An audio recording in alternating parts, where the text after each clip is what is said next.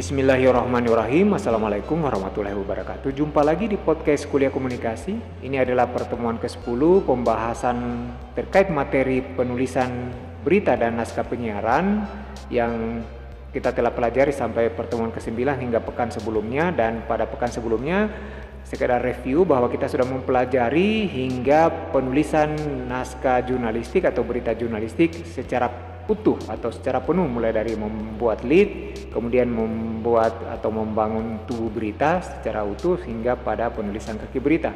Khusus pertemuan pada hari ini kita akan mulai masuk membahas atau mempelajari bagaimana menulis naskah penyiaran khusus berita radio karena uh, berita radio ini tentu memiliki karakteristik berbeda atau tersendiri dibanding berita cetak. Saya sengaja memberikan pengetahuan awal bagaimana membuat berita cetak karena pada dasarnya membangun atau membuat berita cetak itu agak sedikit apa namanya membutuhkan uh, keahlian, membutuhkan uh, apa uh, analitik ketimbang misalnya membuat berita radio yang memang uh, didesain atau dikhususkan untuk uh, lebih singkat dibanding berita cetak.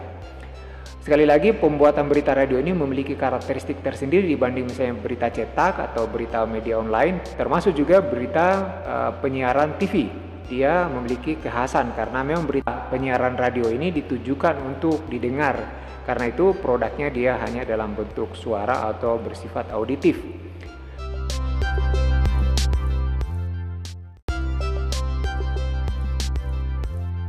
Ada beberapa prinsip yang wajib dipahami oleh seorang penulis naskah berita radio atau yang disebut sebagai script writer sebelum memulai tulisan atau sebelum membuat naskah berita radio. Prinsip ini wajib diimplementasikan dalam tulisan, dalam kegiatan penulisan berita, sehingga kemudian berita yang kita hasilkan itu bisa dipahami atau dimengerti oleh pendengar. Prinsip pertama, karena radio itu adalah sekali lagi ditujukan untuk telinga, maka prinsip pertama yang harus kita lakukan dalam menulis berita radio adalah tulisan atau naskah yang kita buat itu harus dapat dimengerti atau sudah dapat dipahami oleh pendengar kita ketika pertama kali mendengarkan informasi tersebut. Jadi tidak perlu diulang. Informasi tersebut harus sedapat mungkin diucapkan oleh pembaca berita itu dengan enak dan mudah dimengerti oleh pendengar eh, di kali pertama dia mendengarkan. Kemudian prinsip kedua adalah apa yang disebut dengan keep it simple and short. Dalam pengertian Ketika kita membuat berita radio berbeda dengan berita cetak, sedapat mungkin berita yang kita buat itu harus menggunakan kalimat-kalimat yang singkat dan ringkas serta sederhana kita tidak boleh mengumbar kata karena uh, berita radio sekali lagi ditujukan untuk telinga sekali lewat dan tidak bisa diulang. Ketika kita menggunakan kalimat-kalimat yang panjang ini tentu akan menyulitkan atau kemudian di, tidak bisa kita memenuhi di prinsip pertama tadi. Ketika kita diminta untuk agar informasi yang kita sampaikan sudah dapat dimengerti dan dipahami hanya satu kali uh, ucap oleh penyiar sudah bisa dipahami oleh pendengar. Karena itu di prinsip kedua kita diwajibkan dalam menyusun kalimat itu harus sederhana, seringkas mungkin, sesingkat mungkin, tidak boleh kita mengumbar kalimat-kalimat atau yang kata-kata yang tidak dibutuhkan. Semakin sedikit kata atau kalimat yang kita buat akan semakin baik bagi berita tersebut.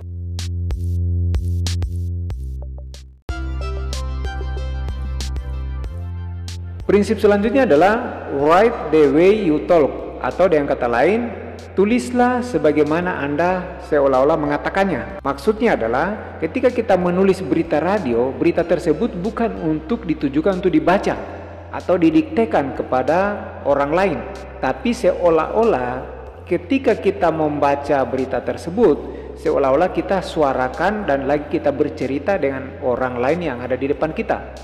Jadi apa berita yang kita buat itu tentu harus menggunakan kalimat-kalimat yang memang menjadi kalimat masyarakat sehari-hari.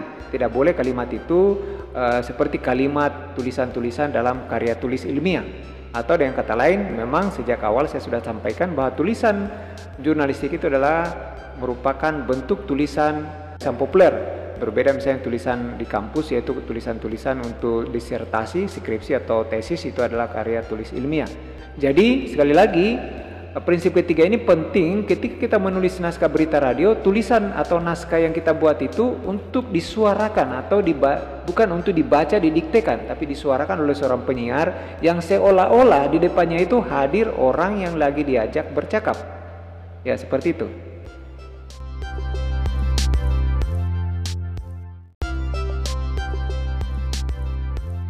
Prinsip berikutnya adalah kalimat yang dibuat itu harus ketika dibaca dia sudah dapat diselesaikan oleh pembaca atau penyiar atau uh, narator dalam satu kali tarikan napas atau sedapat mungkin ketika kita menulis naskah berita radio maka prinsip SPOK subjek predikat objek dan keterangan uh, kalimat tunggal itu itu harus diterapkan dalam penulisan berita radio. Saya sering berulang-ulang menyampaikan ini bahwa buatlah tulisan jurnalistik itu tidak menggunakan anak kalimat yang beranak-anak kalimat. Kalaupun misalnya ada anak kalimat yang kita buat untuk terkait dengan kalimat yang kita buat eh, di induk kalimat pertama, maka anak kalimat tersebut sebaiknya dibuatkan menjadi kalimat tersendiri atau menjadi induk kalimat. Prinsip ini tentu sejalan dengan prinsip yang kedua tadi bahwa yaitu uh, keep it simple and short. Dalam pengertian kita tidak boleh mengumbar kata, kalimat yang kita buat itu harus sederhana, ringkas dan singkat. Dan ini tentu uh, juga menjadi prinsip dalam penulisan berita jurnalistik lainnya, uh, yaitu terkait dengan ekonomi kata yang akan kita pelajari secara tersendiri dan bahasa jurnalistik yang juga nanti dalam pertemuan tersendiri akan kita membahasnya.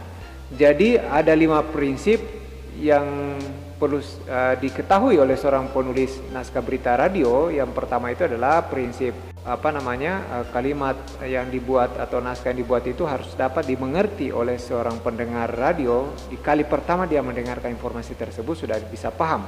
Kemudian kemudian keep it simple and short dan pengertian kita harus menulisnya secara singkat, tidak menggunakan kalimat-kalimat yang panjang harus pendek dan uh, kalimat yang kita buat tidak boleh rumit. Uh, tulisan yang kita buat itu ditujukan untuk seolah-olah disuarakan oleh seorang penyiar di ruang studio lagi berhadapan dengan orang lain dan bukan untuk dibacakan untuk didiktekan kepada orang lain, tapi dia seolah-olah lagi dipercakapkan. Kemudian prinsip berikutnya adalah satu kalimat, satu tarikan napas ketika dibaca kalimat tersebut satu kali tarikan napas sudah selesai kalaupun misalnya ada kalimat berikutnya atau masih ada tambahan uh, informasi itu dibuat menjadi kalimat tersendiri. Dan yang paling terakhir adalah kalimat yang kita buat harus memiliki kejelasan makna dalam pengertian tidak boleh ambigu. Informasi atau makna yang terkandung di dalam tulisan atau naskah tersebut tidak boleh ambigu atau melahirkan uh, beragam persepsi atau persepsi yang berbeda kepada para pendengar.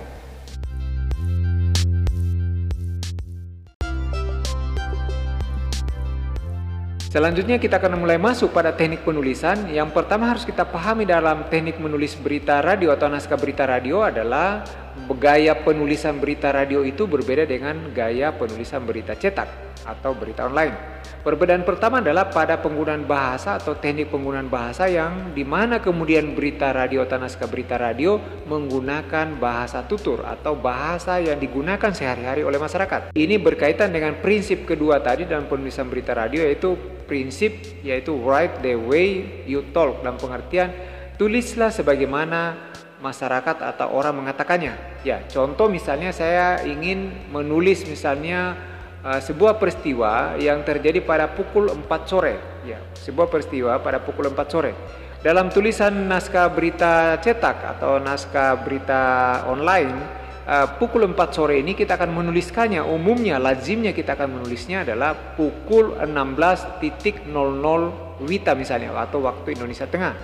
Dalam penulisan naskah berita radio tulisan seperti itu tidak dibolehkan atau tidak dibenarkan karena naskah ini akan dibaca oleh uh, seorang narator atau seorang penyiar di ruang studio sehingga kita diminta atau diatur terkait ini adalah bahwa kita harus menulisnya dengan menggunakan bahasa tutur atau bahasa sebagaimana kita mengatakannya ditulis sebagaimana kita katakan.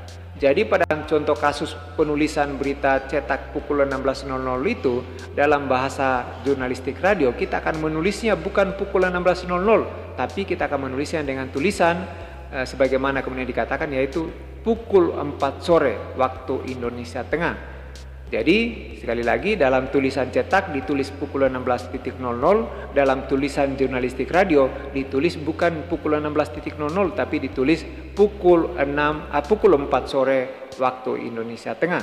Begitu juga untuk penulisan misalnya uh, angka nominal sebuah mata uang atau mata uang rupiah. Misalnya kita menulis 10.000 rupiah sepuluh ribu rupiah dalam uh, misalnya katakan sebuah berita kita harus memasukkan naskah kalimat dengan menulis Rp10.000 dalam naskah berita cetak atau berita online tulisan Rp10.000 ini akan kita tulis Rp titik satu kosong titik nol nol nol nol. Tapi dalam tulisan berita radio ini tidak boleh kita tulis demikian. Kita harus menuliskan sebagaimana dikatakan yaitu 10 dalam kalimat ditulis dalam kalimat 10 ribu rupiah uh, jadi perbedaannya di situ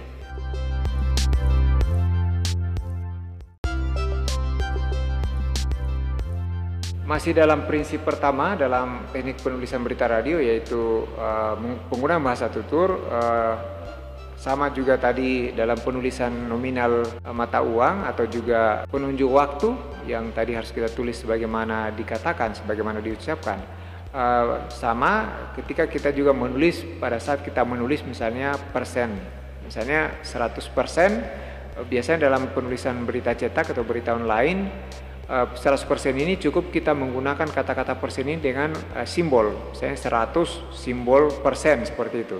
Dalam tulisan jurnalistik penyiaran radio ini tidak dibolehkan menggunakan uh, apa model penulisan seperti ini, tapi kita harus menuliskannya sebagaimana diucapkan, yaitu 50% dalam bentuk kalimat. 50% persen itu adalah sebuah kalimat, sebuah kata P E R S E N seperti itu, bukan dalam bentuk simbol.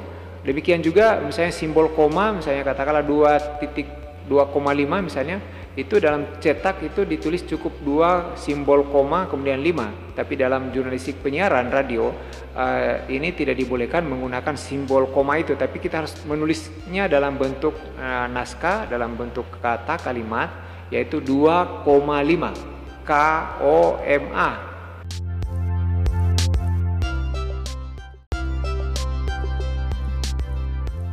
Teknik berikutnya dalam penulisan berita radio adalah uh, kita harus menyusun kalimat atau naskah berita yang kita buat itu dalam kalimat-kalimat yang singkat, padat, dan pendek serta tidak terlalu rumit atau tidak rumit.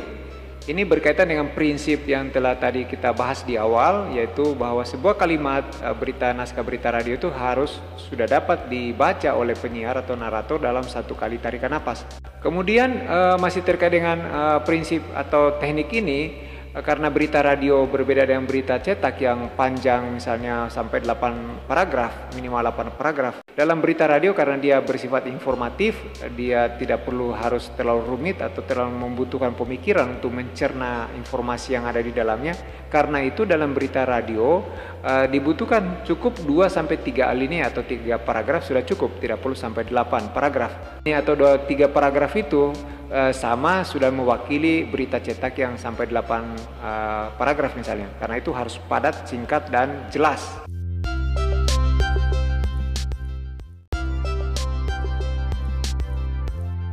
Teknik berikutnya yang perlu kita pahami dalam penulisan berita radio adalah bahwa dalam berita penulisan berita radio tidak dimungkinkan, tidak dibolehkan seorang script writer atau penulis naskah berita radio menulis atau menyusun uh, naskah beritanya dalam bentuk kalimat langsung. Kenapa tidak boleh kalimat langsung? Karena kalimat langsung ini akan membingungkan pendengar ketika mendengar berita tersebut. Eh, tidak bisa membedakan siapa yang mengatakan sebenarnya, apakah narasumber atau kemudian eh, narator atau seorang penyiar. Karena itu dalam jurnalistik radio atau jurnalistik cetak juga eh, jurnalistik eh, televisi itu tidak dimungkinkan kalimat langsung itu yang merupakan ciri khas dari eh, cetak dan online kalau dalam jurnalistik cetak, kalimat langsung ini menjadi penegas eh, apa pembuktian juga sekaligus pembuktian bagi seorang penulis bahwa apa yang dipaparkan dalam kalimat tidak langsung dalam narasi naskah yang ditulis itu itu benar adanya karena di situ akan ditegaskan menggunakan dengan hadirnya kalimat tidak langsung yang merupakan pernyataan langsung dari narasumber. Contoh kalimat langsung ini supaya tidak membingungkan atau bingung para apa uh, dalam materi ini saya memberi contoh kalimat langsung ini misalnya saya ingin pergi ke pasar. Itu adalah kalimat langsung. Saya saya menulis uh, saya dalam tanda petik saya ingin pergi ke pasar. Dalam uh, kalimat uh, cetak hal seperti ini hal wajib, tapi dalam jurnalistik penyiaran ini tidak dibolehkan karena akan sekali lagi akan membingungkan bagi para pendengar. Siapa yang mengatakan saya itu sebenarnya apakah kemudian penyiar atau narator atau narasumber kita? Karena itu kalimat langsung ini harus diubah menjadi kalimat tidak langsung. Kalau saya mengatakan tadi dalam kalimat langsung, saya dalam saya menulis dalam kalimat langsung, saya ingin pergi ke pasar, maka kita harus ubah menjadi kalimat tidak langsung dengan menulisnya seperti ini. Ia mengatakan akan pergi ke pasar, seperti itu.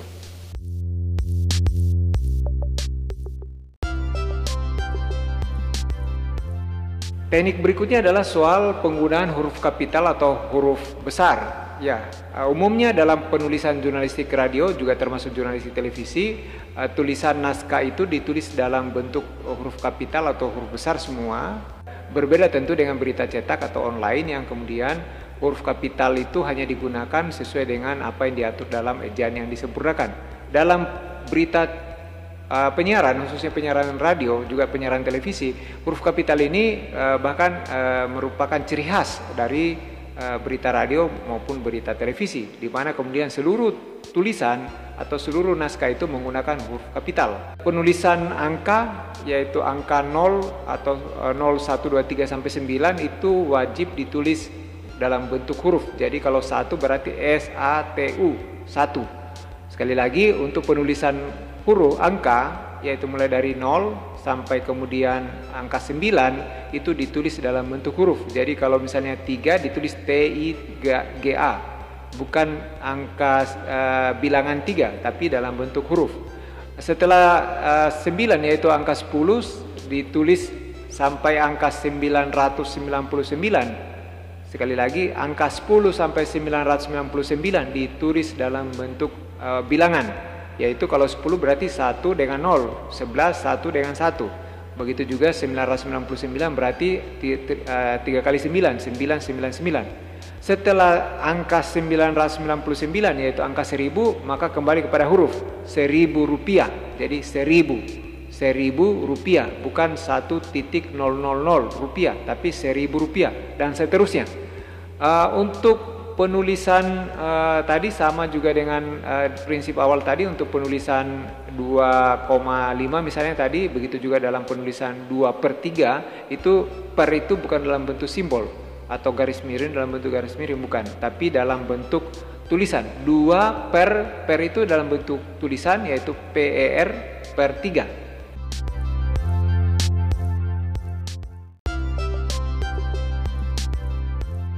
Selanjutnya adalah penggunaan tanda baca. Tanda-tanda baca seperti titik, koma, tanda seru, tanda tanya juga termasuk tanda kutip yang umum kita temukan dalam jurnalistik cetak dan juga online itu tidak dibolehkan atau tidak di uh, tidak berlaku uh, dalam penulisan jurnalistik penyiaran khususnya penyiaran radio. Tanda titik dan tanda koma untuk penyiaran radio digantikan dengan tanda garis miring di mana kemudian satu garis miring itu menandakan koma, dua garis miring menandakan titik, dan tiga garis miring menandakan akhir dari sebuah naskah berita. Jadi saya ulang, kalau kita ingin memberi tanda koma pada kalimat yang kita buat, maka koma itu digantikan dengan satu garis miring. Kemudian kalau misalnya kalimat itu sudah berakhir atau kita sudah ingin memberi titik, maka titik itu digantikan dengan dua garis miring. Eh, berarti dalam satu paragraf kita akan temukan misalnya karena aturan bahasa dalam satu paragraf dua kalimat maka kita akan temukan dalam satu paragraf dua kali garis miring. Dua kali kalimat yang diakhiri dengan dua garis miring. Kemudian tiga garis miring adalah untuk menandakan bahwa berita atau naskah tersebut sudah berakhir. Jadi di akhir dari seluruh tulisan kita akan memberi tiga garis miring Uh, hal lain yang perlu kita perhatikan uh, terkait dengan eh, ketentuan-ketentuan uh, dalam penulisan naskah berita jurnalistik penyiaran ini adalah soal apa penggunaan tanda apa singkatan atau akronim. Uh, dalam jurnalistik penyiaran uh, termasuk penyiaran radio khususnya uh, tetap dikenal akronim tapi akronim itu uh, harus didahului oleh uh, kepanjangan dari sebuah akronim tersebut. Bukan kemudian akronimnya dulu baru uh, kepanjangannya. Saya ulang akronim tersebut harus didahului oleh kepanjangannya. Misalnya saya menggunakan saya akan menyebut atau menulis uh, IAIN Parepare. Tidak boleh IAIN Parepare atau Institut uh, Agama Islam Negeri uh, tapi saya harus menulisnya dengan tulisan uh, Institut Agama Islam Negeri Parepare atau IAIN Parepare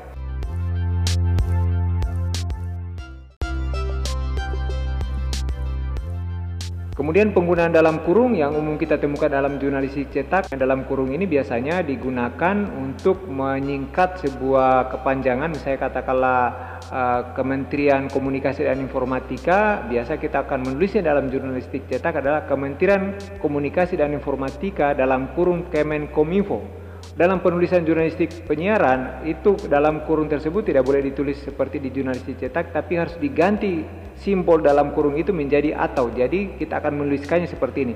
Kementerian Komunikasi dan Informatika atau Kemenkominfo. Jadi kita tidak menuliskan dalam kurung tapi atau.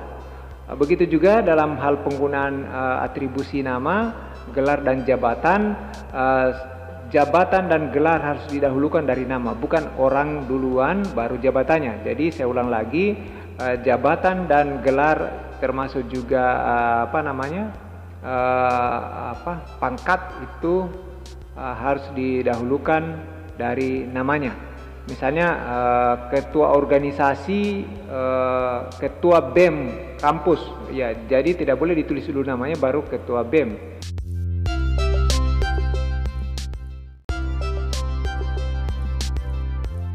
Begitu juga nama rektor, uh, misalnya rektor Yayan Parepare harus terlebih dahulu disebutkan jabatannya baru nama rektor, bukan duluan nama baru uh, jabatan. Uh, jadi ini adalah prinsip yang tidak boleh diabaikan, dilanggar dalam penulisan berita jurnalistik. Selanjutnya adalah soal singkatan atau akronim yang agak sulit penyebutannya atau tidak umum di masyarakat, maka untuk singkatan atau akronim-akronim seperti ini wajib bagi penulis untuk kemudian memanjangkan setelah singkatan. Jadi ini adalah memanjangkan setelah singkatan tujuannya adalah agar kemudian narator atau penyiar tidak salah membaca singkatan-singkatan yang tidak umum tersebut. Karena uh, sekali lagi radio ini adalah sekali lewat tidak bisa diralat jadi bayangkan kalau seorang narator atau seorang uh, penyiar salah membaca singkatan yang tidak umum itu. Karena itu seorang penulis wajib dia berkewajiban moral untuk menuliskan kepanjangan dari singkatan-singkatan umum tersebut. Misalnya katakanlah WHO itu tidak terlalu umum, maka setelah kita menuliskan kalimat atau kata WHO, uh, seorang penulis sebaiknya menuliskan dalam kurung uh, kepanjangan dari WHO itu, yaitu dalam bentuk uh, penyebutan tentu ucapan, bukan singkatan dalam bentuk bahasa Inggrisnya, tapi ditulis seperti apa pengucapannya. Jadi WHO dalam kurung W H-O W-E atau kalau uh, W-A kemudian S-A-O-A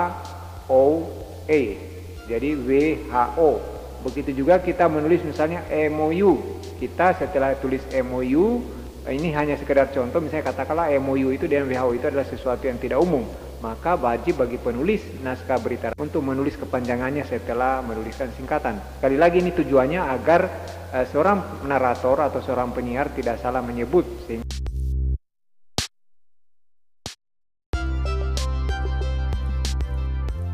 Terakhir adalah soal ketentuan dalam penulisan waktu yang meliputi hari, eh, tanggal, bulan, dan tahun, termasuk juga jam, di mana dalam jurnalistik cetak kita akan menemukan penulisan ini eh, cukup ditulis eh, seperti biasa. Misalnya katakanlah kejadian hari ini, ketika saya menulis beritanya, saya akan menulis untuk unsur when, when-nya atau waktunya, saya akan menulis Senin 7 Juni 2021 misalnya seperti itu. Itu hal lumrah dalam jurnalistik cetak. Uh, saya akan menulis uh, unsur when-nya sekali lagi. Cukup dengan menulis Senin atau misalnya peristiwa ini terjadi di Parepare Senin uh, 7 Juni 2021 titik. Selesai.